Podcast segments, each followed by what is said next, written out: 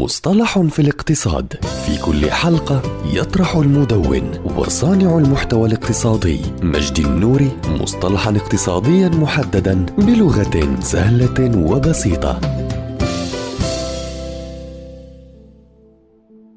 العوامل الخارجية.